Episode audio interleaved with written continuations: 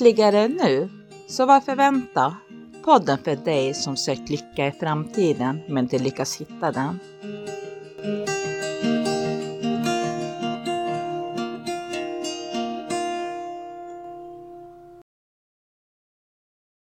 Hej Filip! Hej Niklas! Hur är det med dig idag? Ja, det är bra idag faktiskt. Eh, kunde man inte tro, men eh, så är det. Härligt. Hur är det själv då? Ja, men det är bra. Det är ju måndag. Eh, vi brukar ju spela in på fredagar annars, men, men eh, det är ju lite speciell måndag idag. Ja, ja verkligen. Det är, ju, det är ju snart december och kallt ute. Och sen har vi ju med en speciell gäst idag också. Välkommen Dennis. Tack snälla. Härligt, eh, underbart, eh, fint att få vara här med er. Och tack för det, det jättehärliga jobb ni gör. Jag vet ju av egen erfarenhet att eh, det kräver lite planering och lite tid och lite fix och lite don för att få till lite poddar. Va? Så eh, tack för att ni levererar som ni gör. Kul att höra. Kul att höra. Vi har ju, vi, vi, har ju lärt oss lite av er. Eh, Ah. det, det är bara att fortsätta och som sagt så länge det, det ger någonting till oss själva när vi poddar så kan vi lika bra fortsätta med det. Och det, varje podd ger någonting unikt. Det är en stund för reflektion och en, en stund för att på något sätt landa efter en, en arbetsvecka och prata igenom det som man själv har sett och, Mm. och få höra insikter ifrån Filip som han har sett. Så det, Mm. det är ett lärande hela tiden. Mm. Och det fördjupar vänskap gissar jag. Mm. Absolut. Absolut. Det konstigaste var ju för några veckor sedan jag var och hälsade på Niklas och, och vi gjorde det på plats. Ja. Och- och 53 podden tror jag den gjorde vi tillsammans. Första podden som vi gjorde tillsammans utanför Zoom, det var 53 poddar sedan. Liksom. Det är Mm. häftigt. Mm. Mm. Men du Dennis, eh, jag tänkte på det innan att det är ju faktiskt inte alla som riktigt vet vem, vem du är. Tro Tror det eller ej. Eh, sådär. Eh, även fast vi brukar säga ja, Dennis och så tror man att alla vet vem, vem Dennis är. Men vem är Dennis egentligen? Vill du berätta lite? Wow, vad djupt vi går direkt. Vem är Dennis egentligen dessutom? Ja, men man kan väl lägga olika filter och perspektiv. Ehm, Dennis Westerberg, bor i Malmö, gift med Lena. Jakob och Adrian, 28-29 år, mina söner. Kim, eh, 31 år, är min bonusdotter. Alicina, 23 år, är min lilla extrason. Eh, föreläsare, författare, coach, musiker. Eh, producerar lite event också. Eh, lärare från början. Också utbildad eh, IT-projektledare. Eh, gillar hundar och katter. Jag vet inte, det är, det är väl en del av mig. Mm. Mm. Absolut. Ja, hundar och katter det har vi ofta med här i podden. Det är bara så vi vill det eller ej. Ja, Jag, jag gillar att säga det för då blir man omtyckt. Mm. Han är en sån som gillar djur. Ja, Och det är dessutom sant faktiskt. Jag är uppväxt med hundar och sen har jag haft katt i mitt vuxna liv tidigare. Alltså Men, katt eh, drar ju ner det lite för mig. Men, eh, du ser. Du ser. så tänker du inte överhuvudtaget på mig att jag har en katt som brukar jama. Mm.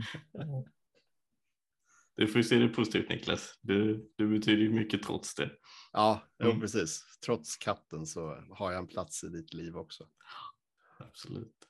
Ja, Sen, det, sen jobbar jag tillsammans med min kollega Thomas, Thomas Löjdahl som ni känner. Och det är där vi har träffats ju när ni gick utbildning hos oss.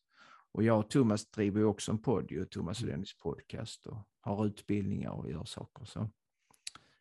Jag, eh, det mesta jag gör i livet när det handlar om professionellt arbete eh, tar ju sin utgångspunkt i de här tre principerna som jag gissar att är eh, Vackra podd också eh, lyfter upp och lägger på bordet. Så att eh, eh för eh, ganska många år sedan nu så förändrades mitt liv utifrån att inte ha förstått vissa saker och sen fått lite insikter. Det är väl det som jag tacksamt nog kan liksom dela med mig till världen och få jobba med och kunna eh, jag menar, arbeta professionellt och bygga en, liksom en, en yrkeskarriär kring detta.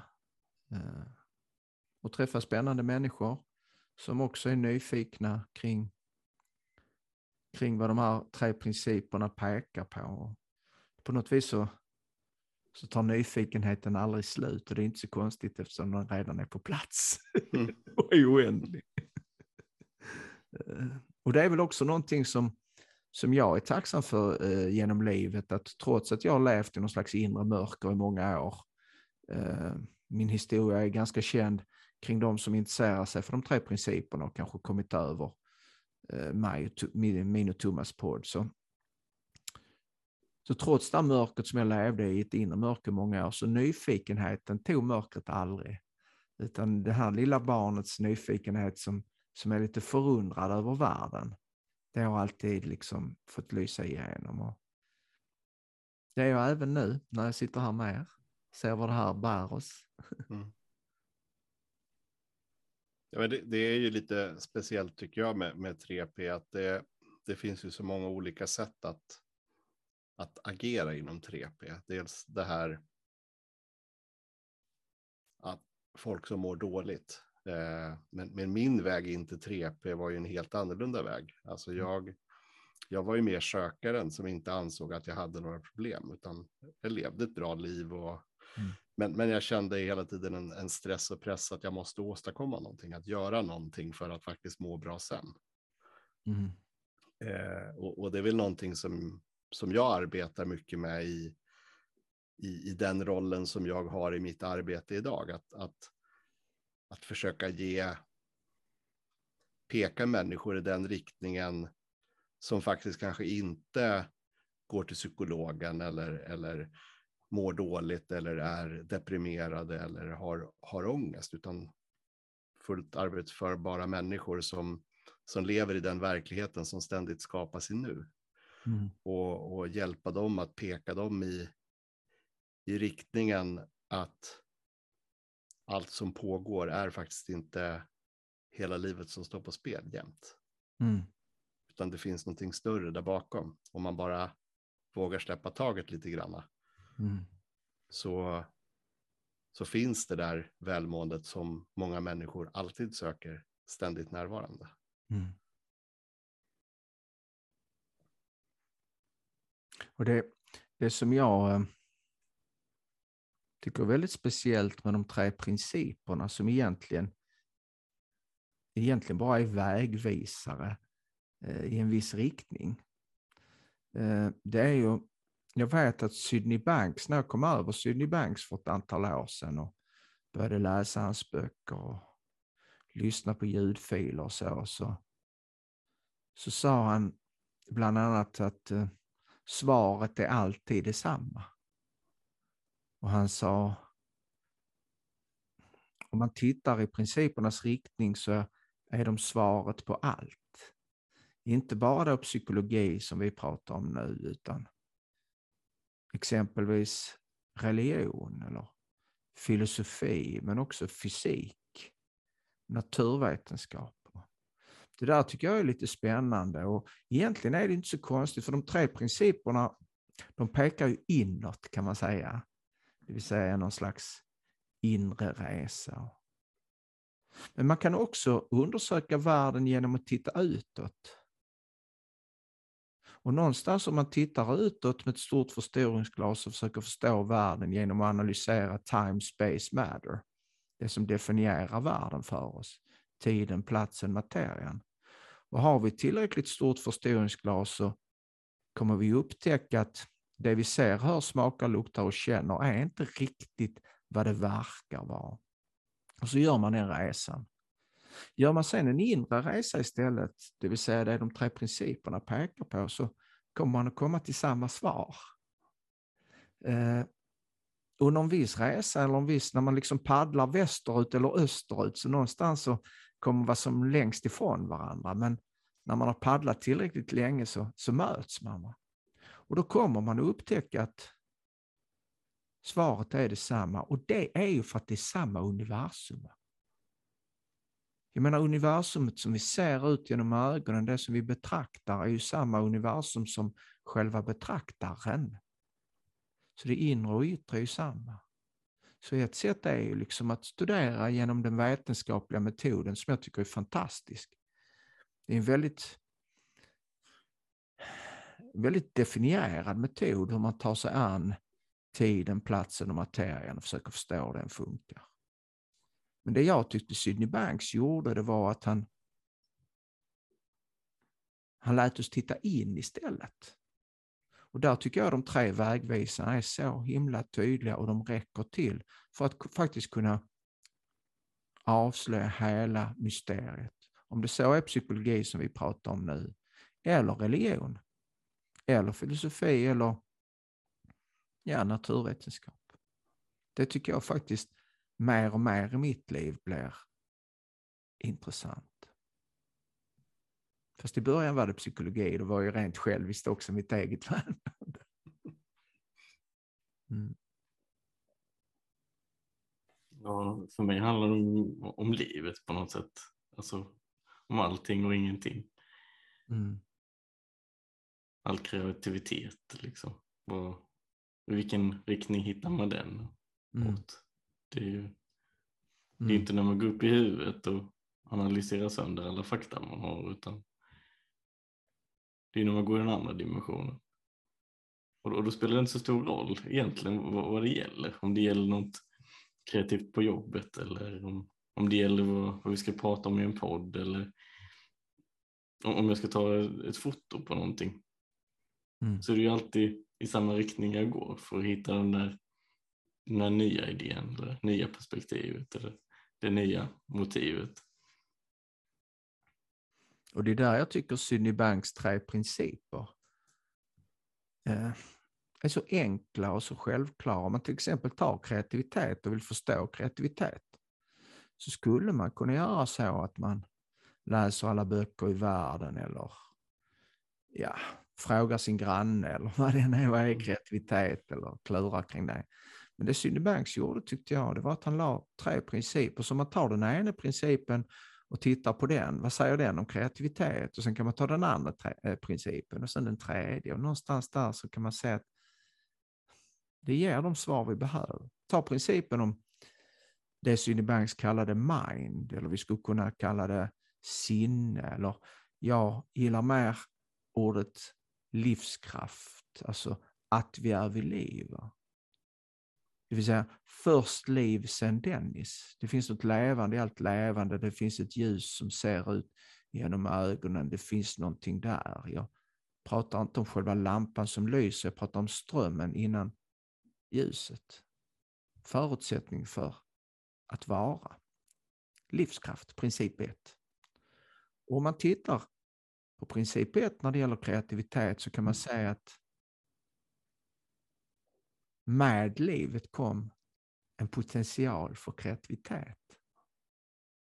Och det, det bara, bara gå till barn och se liksom det lilla, lilla barnets klara sinne. Det finns en oändlig möjlighet att komma på idéer. Tar man sen principen om medvetandet, princip nummer två, så kan man säga att medvetandet varierar. Ibland har vi ett väldigt brett och klart medvetande och ibland så är det väldigt trångt. Och när det är trångt medvetande, man har tunnelseende, då är det inte särskilt kreativt, då har man inga svar kring någonting. Va? Men medvetandet varierar som en hiss skulle man kunna säga, eller att helt plötsligt så finns det inga gränser för att förstå. Och då är man ju enormt kreativ. Och sen tar man då tanken som den tredje principen så kan man ju lägga tanken på bordet och vad säger tanke då? Principen tanke om kreativitet. Ja, det ena det säger att det är att tanke på ett sätt står i vägen för kreativitet. Molnen står i vägen för himlen. Eh, och det är inget fel, men tanke begränsar kreativitet. Vi tror gärna att det är tvärtom. Va? Men alltså, när tanke inte är på plats i medvetandet så är potentialen för tanke oändlig. Man kan tänka vad som helst om vad som helst när som helst. Och så fort tanke tar form så blir det begränsat. Inget fel, men helt plötsligt så, så står någonting i vägen för det som inte är där. Va? Så till exempel hur stort man än tänker om någonting så finns det alltid något större man skulle kunna tänka. Så tanken som princip är ju begränsande för kreativiteten. Va? Å andra sidan så tar den här oändliga potentialen för idéer form som en tanke.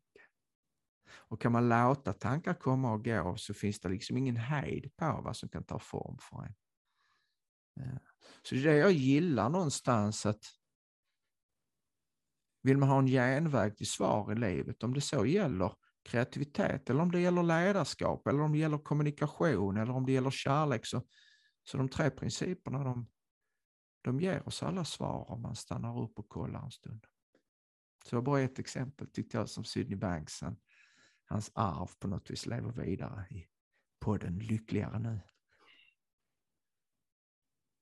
Absolut. Och sen är det någon slags dans där, upplever jag det, eh, i olika sammanhang och, och, och följa det där. Alltså, på något sätt så kan man ju gå i den här riktningen, eh, tankefrihet eller eh, när, när, det liksom, man är i no thought och, och det, det, liksom, det kommer alla de där idéerna.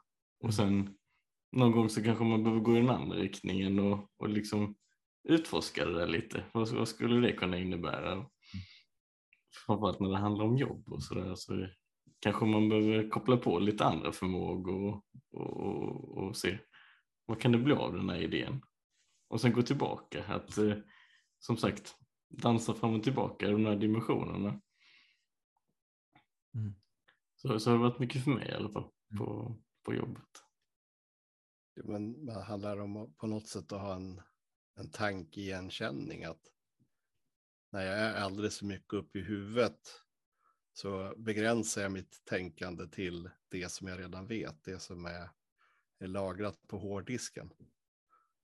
Och ibland så måste jag gå ur tanken i huvudet, det, det, säger, det bearbetande, det som jag redan vet, till att att hamna i flow-tänkandet eller det fritt flödande tänkandet, att bara vara.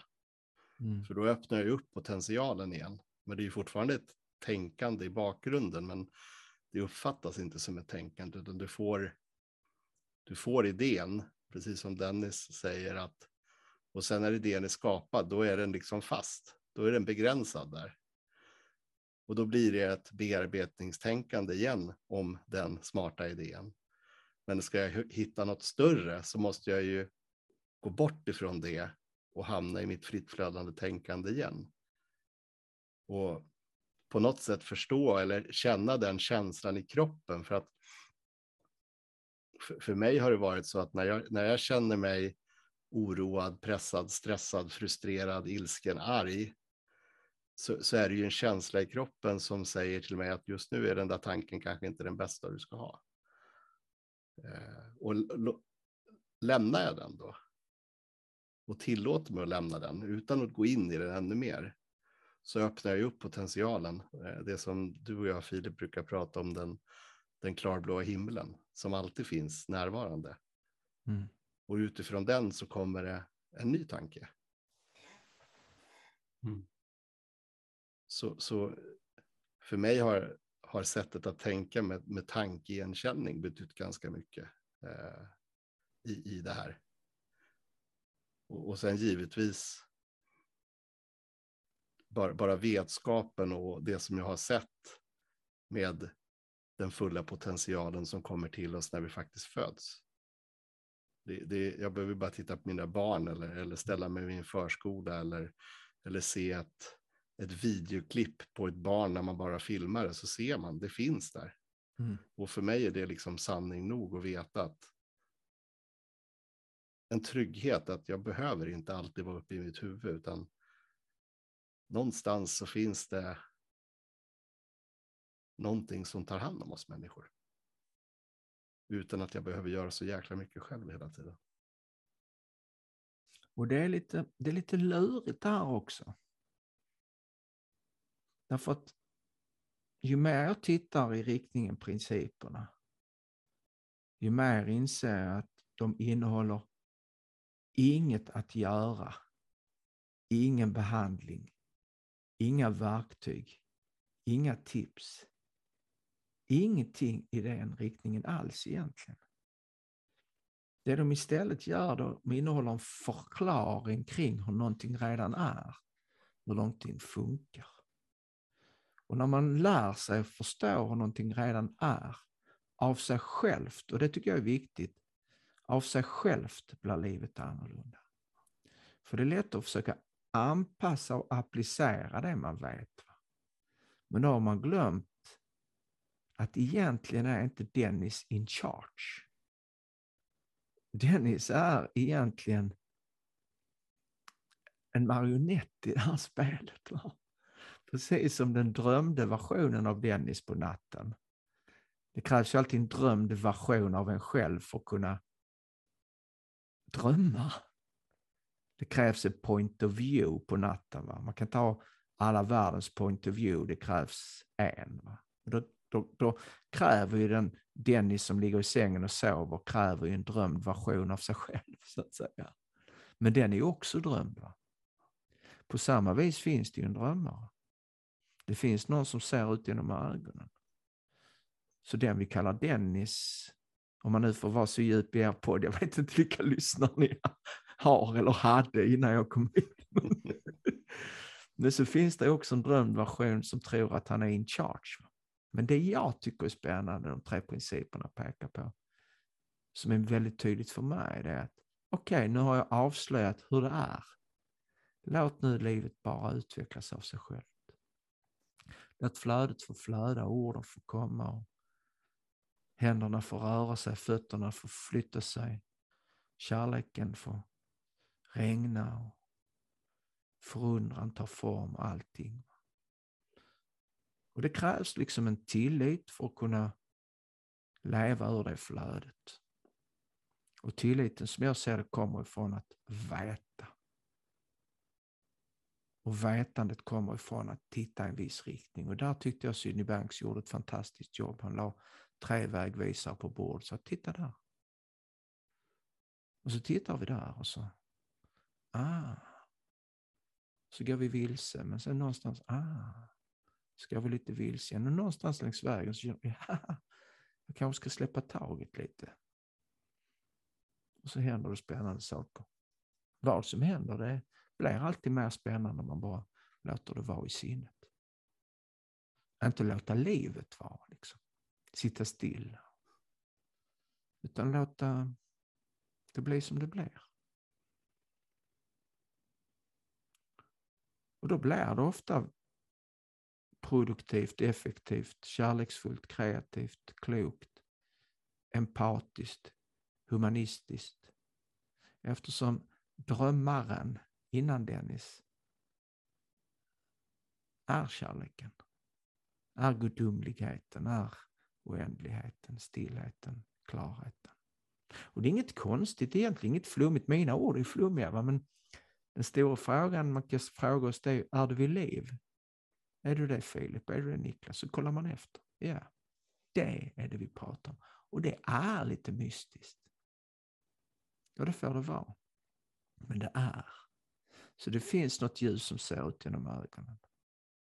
Och leva från den platsen så att säga. Ehm. Och från den platsen är det, där finns inte likgiltighet. Utan från den platsen så, så ställer man sig upp och säger ifrån ibland, nej det här är inte okej. Okay. Så här gör vi inte. Det här går inte jag med på. Så kärlek kan komma i olika form. Det kan komma hårt, kraftigt, tydligt, ilsket. Så eh, det var väl mitt lilla bidrag nu en stund att, att påminna oss alla tre om att ja, nu vet vi saker så nu släpper vi taget. Ser vi vad som händer. Det spännande är ju att om man bara kan vara i den platsen som inte är en plats mm. utan kanske mer ett tillstånd. Då kan man ju vara med om de mest konstiga upplevelser och ändå vara okej okay med det. Mm. Det är ju sån otrolig skillnad jämfört med att uppleva samma sak.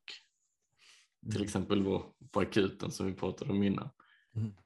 Innan man hade sett det här. Då hade jag varit mycket mer på något sätt förlorad i upplevelsen. Men när man kan uppleva det från, från den där platsen, från det där tillståndet så är det inte det, det enda som finns. Man kan ju betrakta på något sätt det som sker. Och det kan finnas en, en nivå av, av att vara okej okay med det.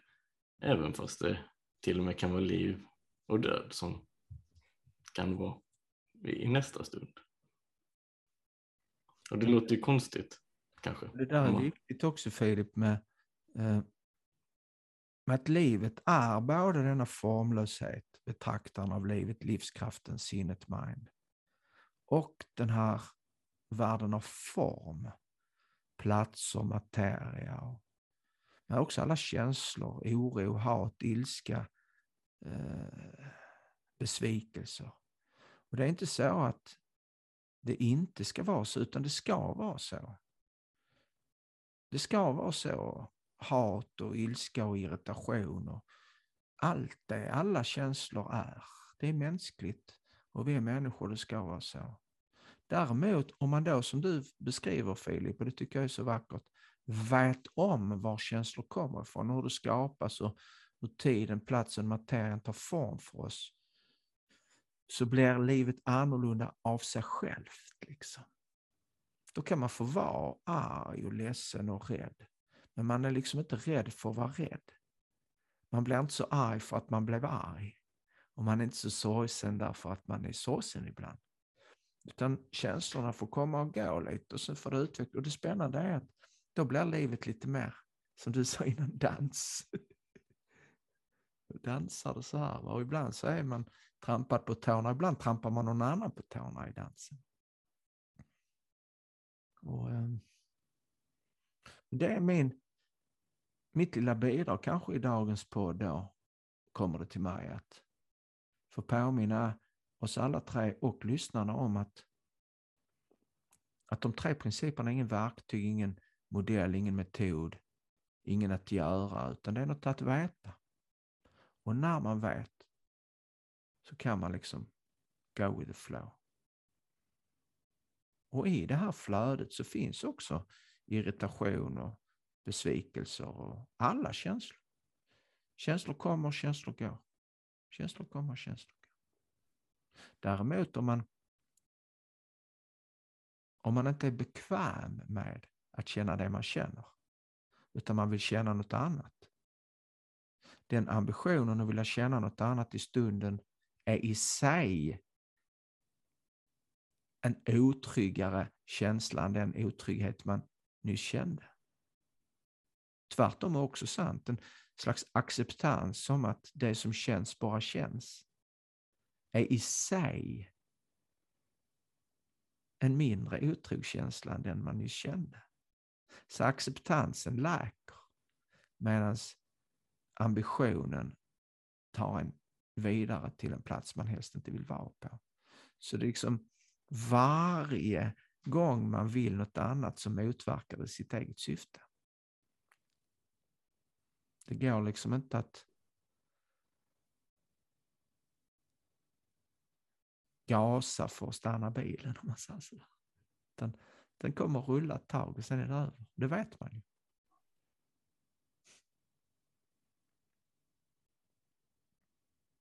Mm. Och jag skulle vilja säga att det, det gäller ju att vara okej okay med det som är mm. just nu. Mm. Sen kan jag ha en på något sätt en ambition eller en vilja eller en riktning åt något håll och, och göra saker för att komma dit. Men om jag, om jag ändå gör det från att jag är okej okay med det som är, mm. då blir det ju inte det där lidandet eller kämpandet på samma sätt. Då, då, då sker det ju mer ur det där flödet eller av sig själv eller på ett annat sätt utan att det är sådär ultimat superviktigt. Det, det kanske är lite relativt viktigt. Jag, jag skulle vilja göra det där i livet. Jag skulle vilja göra det den här veckan, men sker det inte så, så sker det inte. Då kan jag vara okej med det som är. Mm. Jag gillar idén om att kunna avslöja livets teater som teater. Eller kunna avslöja livets spel som ett spel. För när man avslöjar livets spel som ett spel, jag ska berätta hur jag ser på det, det vill säga att det är lätt att få för sig att det finns många verkligheter. Det är något jag ofta hör, det finns många verkligheter, men sanningen är att det finns bara en. Det är ju den man har mitt framför ögonen. Jag menar, det finns ju ingen annan verklighet. Det är den man har mitt framför ögonen. Det är verkligheten.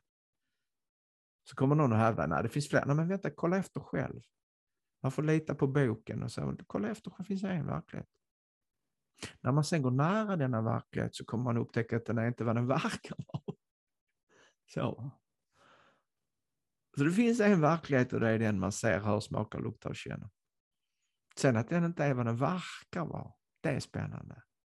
Och då skulle man kunna använda de tre principerna liksom bara för att kolla efter. Va? Och då är ju det är livskraft, energi, oändlighet.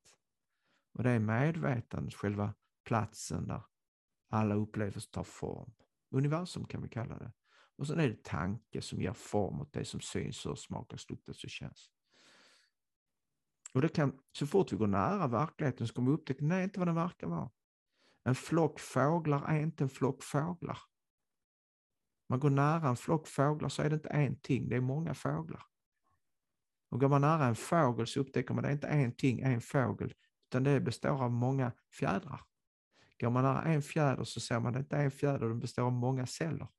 Går man nära en cell så upptäcker man att det, det är inte en cell, det är molekyler. Det är atomer. Det är protoner, neutroner, det är elektroner, det är nästan ingenting där, det är kvarkar. Och sen upptäcker man att det är bara potential alltihopa. Så det beror på ur vilket perspektiv man betraktar livet. Så när man går nära materia så ser man att den inte är vad den verkar vara. Går man nära tiden så ser man att det är alltid nu. Det finns ju ingen varaktighet i tiden, det är bara nu. Och går man nära platsen time, space, matter. Platsen, space, så ser man det alltid här. Man har aldrig varit någon annanstans än här. Var man än förflyttar sig så är det här. Så kan man säga att den här verkligheten är inte vad den verkar vara. Och då kallar jag att det är ett spel, bara för jag gillar att, att leka med ord. Livets spel är ett spel. Och då händer någonting när man har avslöjat det.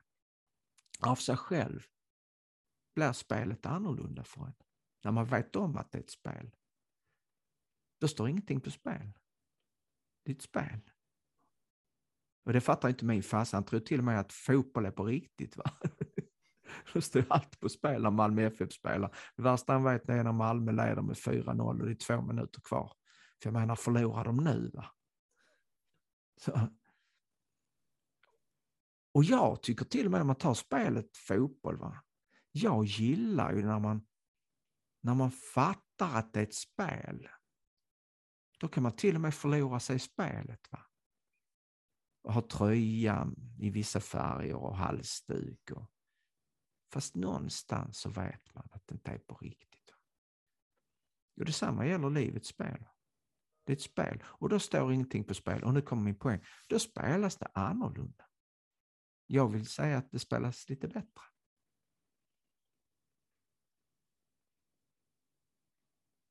Och det där tyckte jag att Sydbanks gjorde en sån insats som många har gjort innan. Jag menar, Buddha gjorde en likadan insats. Jesus gjorde en likadan insats. Och vissa liksom kunde förstå att det som liksom kristendomen egentligen tog sitt ursprung i var ju inte en massa regler och en massa förhållningssätt och religion. Va? Man har gått vilse. Utan det var samma som de tre principerna pekar på. Fadern är livskraft, exempelvis. Sonen Det är tanke, människan. Och eh, den heliga anden är själen, medvetandet. Det är bara olika ord. Så då har vi religion som de tre principerna avslöjar. Man skulle kunna gå till islam eller till hinduismen eller vilken religion som helst så kommer de ur någon har insett någonting och försöker förklara det. Och sen förlorar man sig i förklaringen och blir bara metaforer kvar. Och det riskerar de tre principerna att göra också. Därför gillar jag när vi, vi håller dem så liksom tajt.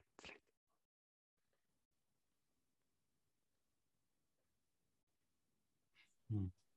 Jag tror man måste på något sätt förstå genom att se eller känna det hela själv.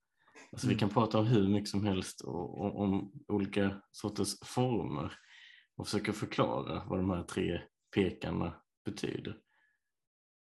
Och man kan ju lyssna sig igenom hur många poddar som helst och inte fatta någonting. Mm. Det är ju någonting som man måste se lite från andra sidan på något sätt. T titta bakom sådär. Mm. Hur ser det ut på andra sidan? Och plötsligt så, så ser man något nytt och ser livet från, från ett annat perspektiv. Och plötsligt så betyder alla de där pekarna någonting. Mm. För att man ser var de pekar ifrån. Ja, och det jag gillar idag det är att någonstans direkt så, så hamnar vi på djupet. Och har man perspektivet begränsning så begriper man ingenting av det här samtalet, det kan jag säga. Men vi hamnade där vi behövde hamna ju. Och i många andra sammanhang så hamnar man bara om att i ett samtal kring att ja, hur vi känner i livet, det kommer från det vi tänker i stunden. Glad tanke ger glad känsla, obehaglig tanke ger obehaglig känsla. Tankar kommer och går, så gör också känslor. Kan man förstå att vad som än tänks är det bara en tanke, inget annat än en tanke, så, så skingras tankar lite fortare och helt plötsligt så hamnar man i nuet. Där man redan var in the first place, för det är alltid nu. Det finns ju ingen framtid, inget förflutet, det är bara tankar. Och så helt plötsligt är vi konkreta och så upptäcker folk, ja, ja, men det är bara, ja, det är bara tankar. Och så blir samtalet lite mer begripligt. Och det är det jag gillar med att vara med hos er idag, att man fick lov att gå på djupet en stund. Man fick förlora sig i, i ursprunget av att vara.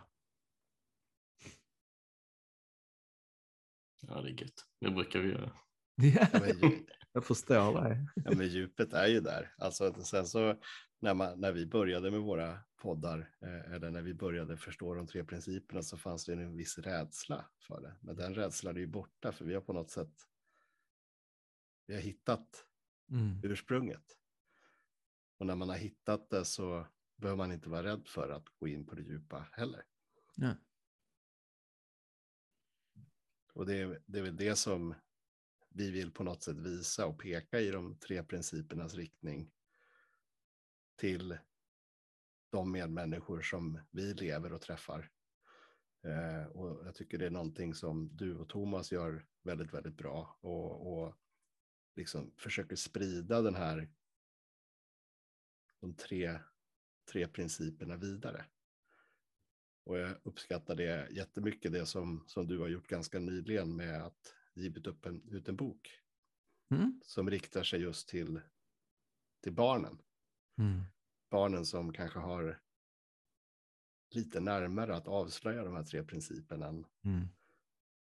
mig när jag var 44 år gammal. Det tog lite längre tid kanske.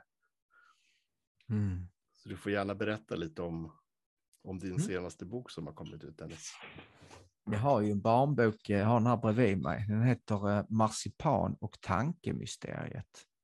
Och man skulle kunna säga att det är en barnbok för vuxna. Att läsas för barn. Så det är en barnbok för vuxna att läsas för barn. Eh, den är perfekt, står det på framsidan, jag själv som skrivit den. Jag det. Perfekt för vuxna att läsa för barn som vill slippa oroande tankar. Och helt plötsligt är vi i det läge igen. Den här boken är inte skriven med den typen av ord som jag pratade, som jag använder nu, det här med universums ursprung och fysik och så, utan någonstans när man skriver en bok så kanske orden tar form som att eh, hur är det möjligt att vara flygrädd innan man beställt resan? Hur är det möjligt att vara flygrädd när planet står på marken? Hur är det möjligt att vara mörkrädd? Vad är oro? Vad är känslor? Var kommer känslor ifrån? Och den här boken, det, det är Marsipan, det är en karaktär då, en kille som, som tillsammans med författaren ska lösa mysteriet med varifrån känslor kommer. Känslor av oro, och ilska och hat, men också känslor av kärlek och nyfikenhet. Så.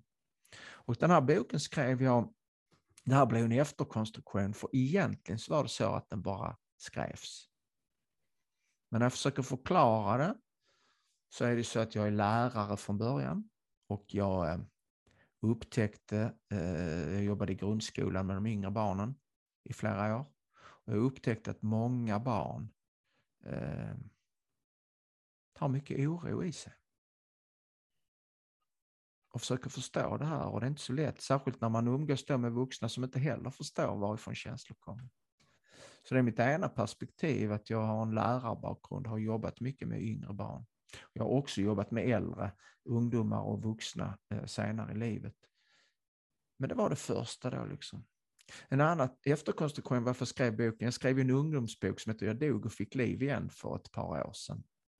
Som egentligen är samma bok, fast en annan berättelse. Det är de tre principerna om hur alla upplevelser av livet formas.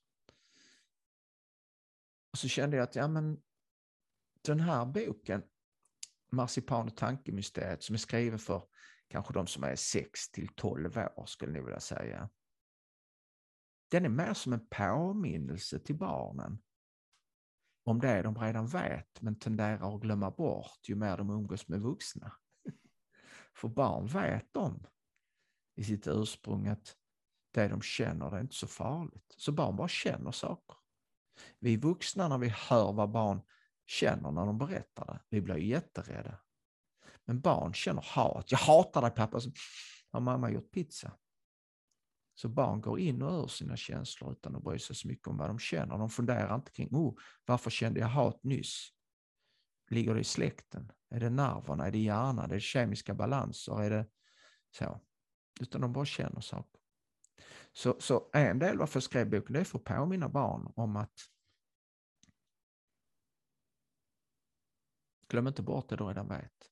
En annan anledning, som också är en efterkonstruktion varför jag skrev boken, det är därför att om en vuxen läser boken med sitt barn, vilket är själva idén, så är inte det här budskapet så hotfullt för den vuxne.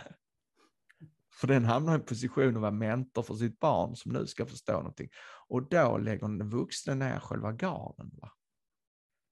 Och då hamnar det här budskapet rätt hos den vuxna också. Och eftersom jag har mest, eller jag har flest vuxna i min fanbase, så det är ju flest vuxna som köper den här boken och sen har de en förevändning att det är till mina barnbarn eller barn. Så, så tror jag att eh, det här ganska enkla budskapet om att tankar bara är tankar och att humöret kommer och går och allt vad den här boken innehåller, att det hamnar rätt hos den vuxna. Sen är det en liten kul bok, eller jag har försökt göra en lite kul. Den här marsipan är en liten busunge som hittar på lite tricks och, och lite eh, bus och sådär. Ehm, så det var lite om boken. Jag är jättetacksam. Den har eh, den trycktes upp i 1000 ex, första upplagan. Och eh, efter bara några veckor så har vi skickat en ny beställning nu till tryckeriet. Det bara finns några få ex kvar. Och vi har till och med gjort så eh, vi säger det, jag och en tjej som heter Elin som, som hjälper mig kring de här frågorna lite. Eh, att vi har eh, beställt den här boken på print on demand. För det går lite fortare, för just nu är nästan alla böcker slut.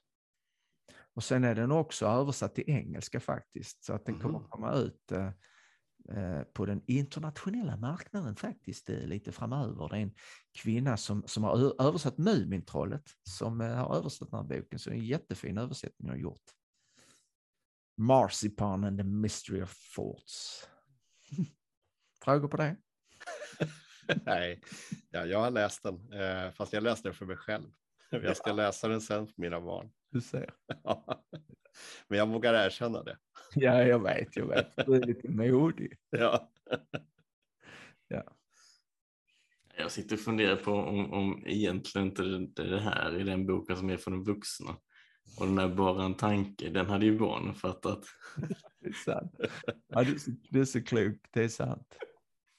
Ja, men det, är, det är lite så jag funkar. Jag har, jag har inte så mycket strategier och, och, och planer innan, utan jag, jag gör det som, som bubblar. Och nu bubblade den här boken om marsipan och tankemysteriet. Och nu jobbar jag rätt mycket för att få ut den boken och då bubblar det liksom hur man gör det. Och nu får jag bubbla i er podd och jag har bubblat på massa andra ställen. Och snart kommer det bubbla en ny bok. Eh, det eh, finns lite liksom saker som vill ur mig. Eh, så vi får se. Um, vi, gör, vi hjälps ju åt. Mm. Vi tre här, men det är många fler. Ni berättade för mig också om att nätverk kring de tre principerna, ni kan mer om det än jag. Eh, internationellt är ju gigantiskt, gigantiska nätverk, så många människor som, som sprider de här idéerna. Ja, för, för det viktiga budskapet som, som Sid mm. skapade en gång i tiden. Mm. Och försöker peka människor i, i den riktningen. Mm. Ja, och inte bara han, utan alla andra kloka människor som har funnits genom tiden. Ja, in, innan honom också. Fortfarande finns. Jag, jag lyssnar på massa andra kloka människor också. Och så man kunde se på något sätt det hela. Då hör man ju vad de säger också. Även om vissa har så himla krångliga sätt att säga det på. Eller vissa har så himla enkla sätt så att det går inte att förstå. Ehm, jag lyssnade på en häromdagen, han, han sa tänk inte, tänk inte, tänk inte, mm. hundra gånger ungefär. jag fattade ju att det var precis det han försökte säga. Att, eh, när vi är i det där tankefria utrymmet, det är då vi mår bra. Mm. Oavsett egentligen vad som händer runt omkring. Och den, den specifika cred jag vill ge till Syd, vem är jag nu att göra mm. det, men jag vill, jag vill göra det, det är, så här ser jag på det. Sid han avslöjade hela mysteriet. Hela universums mysterium på ett enda bräde. Han såg bortom ridån och upptäckte, wow, det är teater. Han såg allt under några få sekunder. Så ur hans extrema klokhet som bara är oändlig, alltså verkligen oändlig, så för att kunna beskriva den här klokheten, så varje gång han försökte göra det så förlorade klokheten sitt värde. Därför när vi sätter ord, det vill säga vi sätter form på något formlöst, så försvinner det formlösa.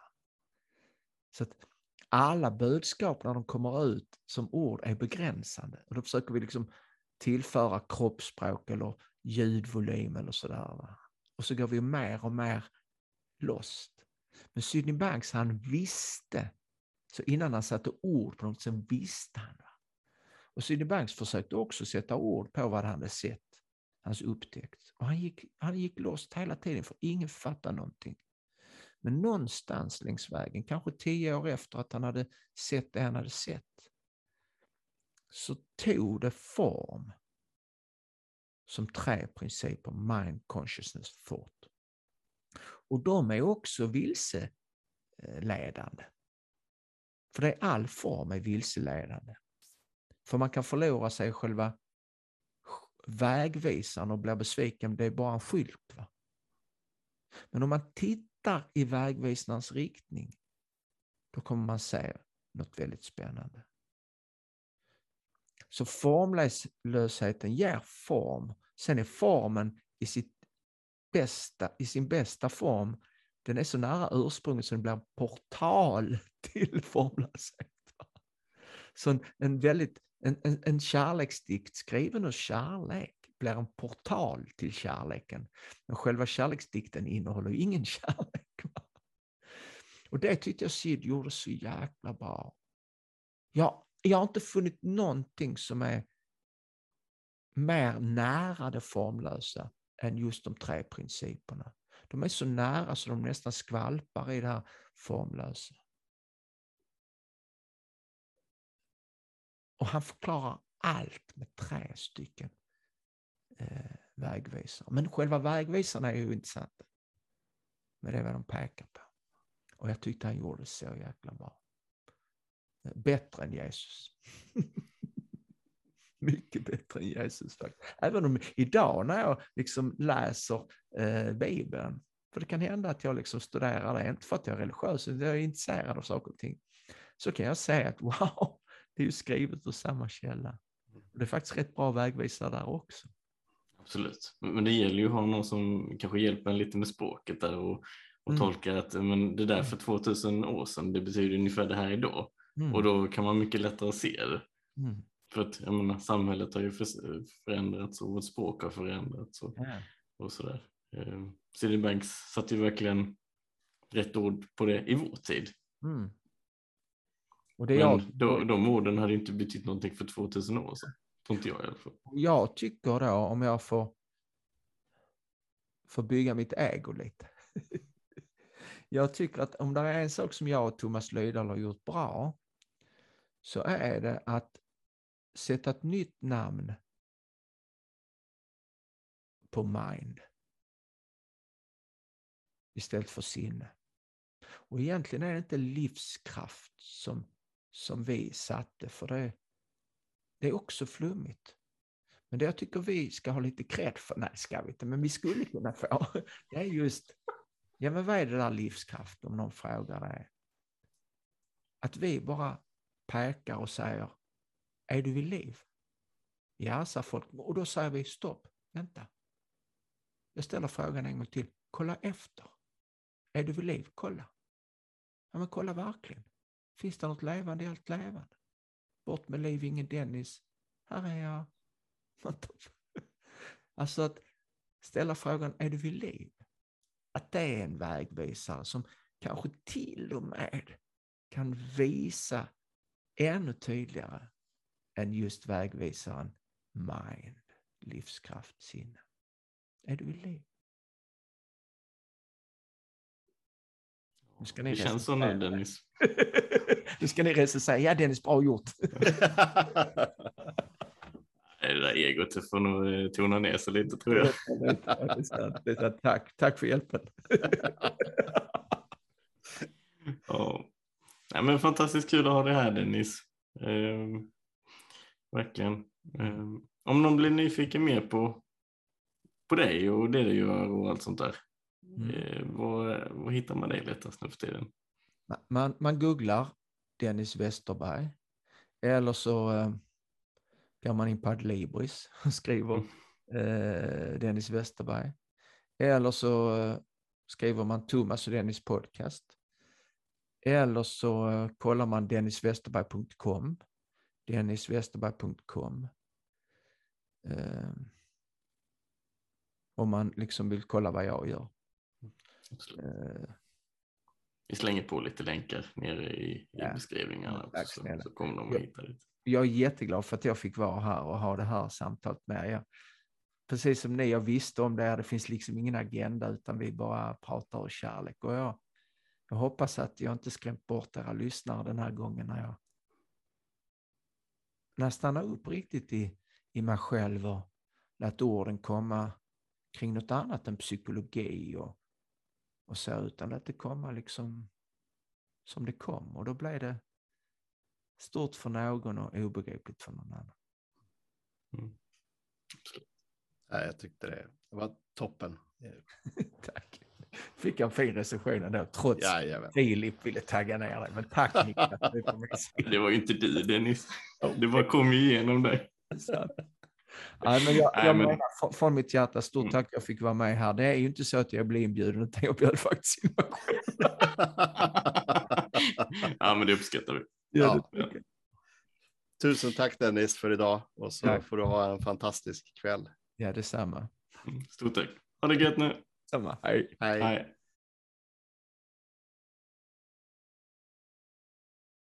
Tack för att du lyssnade. Tipsa gärna vänner och kollegor om podden lyckligare.nu. Tillsammans gör vi världen lite bättre steg för steg.